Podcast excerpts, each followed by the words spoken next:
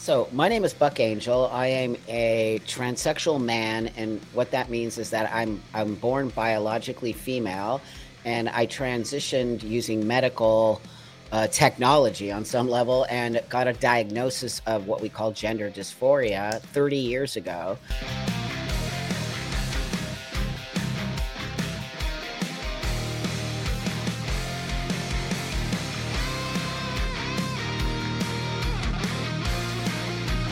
And this gives the, the, the, government the sort of rights to your children on some level and the right to override a parent's um, decision in this very personal choice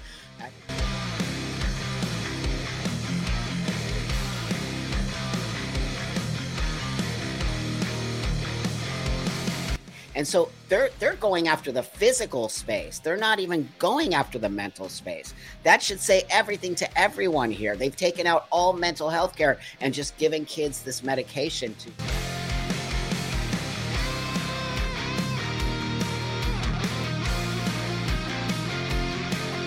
I do know parents are struggling they're struggling. And if there's one thing I could say to any parent out there whose child says they're trans, whose child says they're non binary, okay, cool. Maybe you're trans and maybe you're non binary. What does that mean?